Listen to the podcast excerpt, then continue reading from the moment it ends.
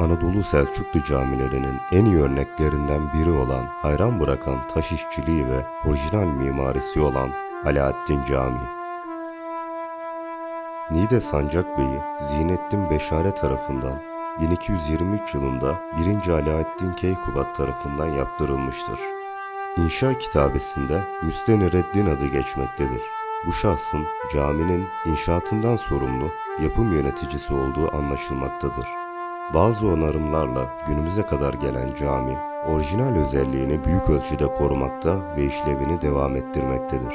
Caminin iki kapısı olup doğuya bakan kapı üzerinde yaz aylarında 9.30 ila 11 saatleri arasında güneş ışıklarının bıraktığı gölge, kapının taş maharetli elleriyle işleyen ustanın taçlı kadın başı ortaya çıkarmaktadır. Efsaneye göre Sancak Bey'i il merkezinde bir cami yaptırılması için emir verir. Selçuklu Sancak Bey'i Zinettin Beşare'nin dillere destan güzelliğiyle meşhur bir kızı vardır.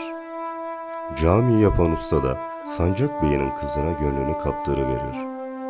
Camiyi yaparken aşkını sonsuza kadar yaşatmak isteyen kapı duvarını Sancak Bey'in kızının yüz kısmını silüetin işletmek için büyük bir emek verir.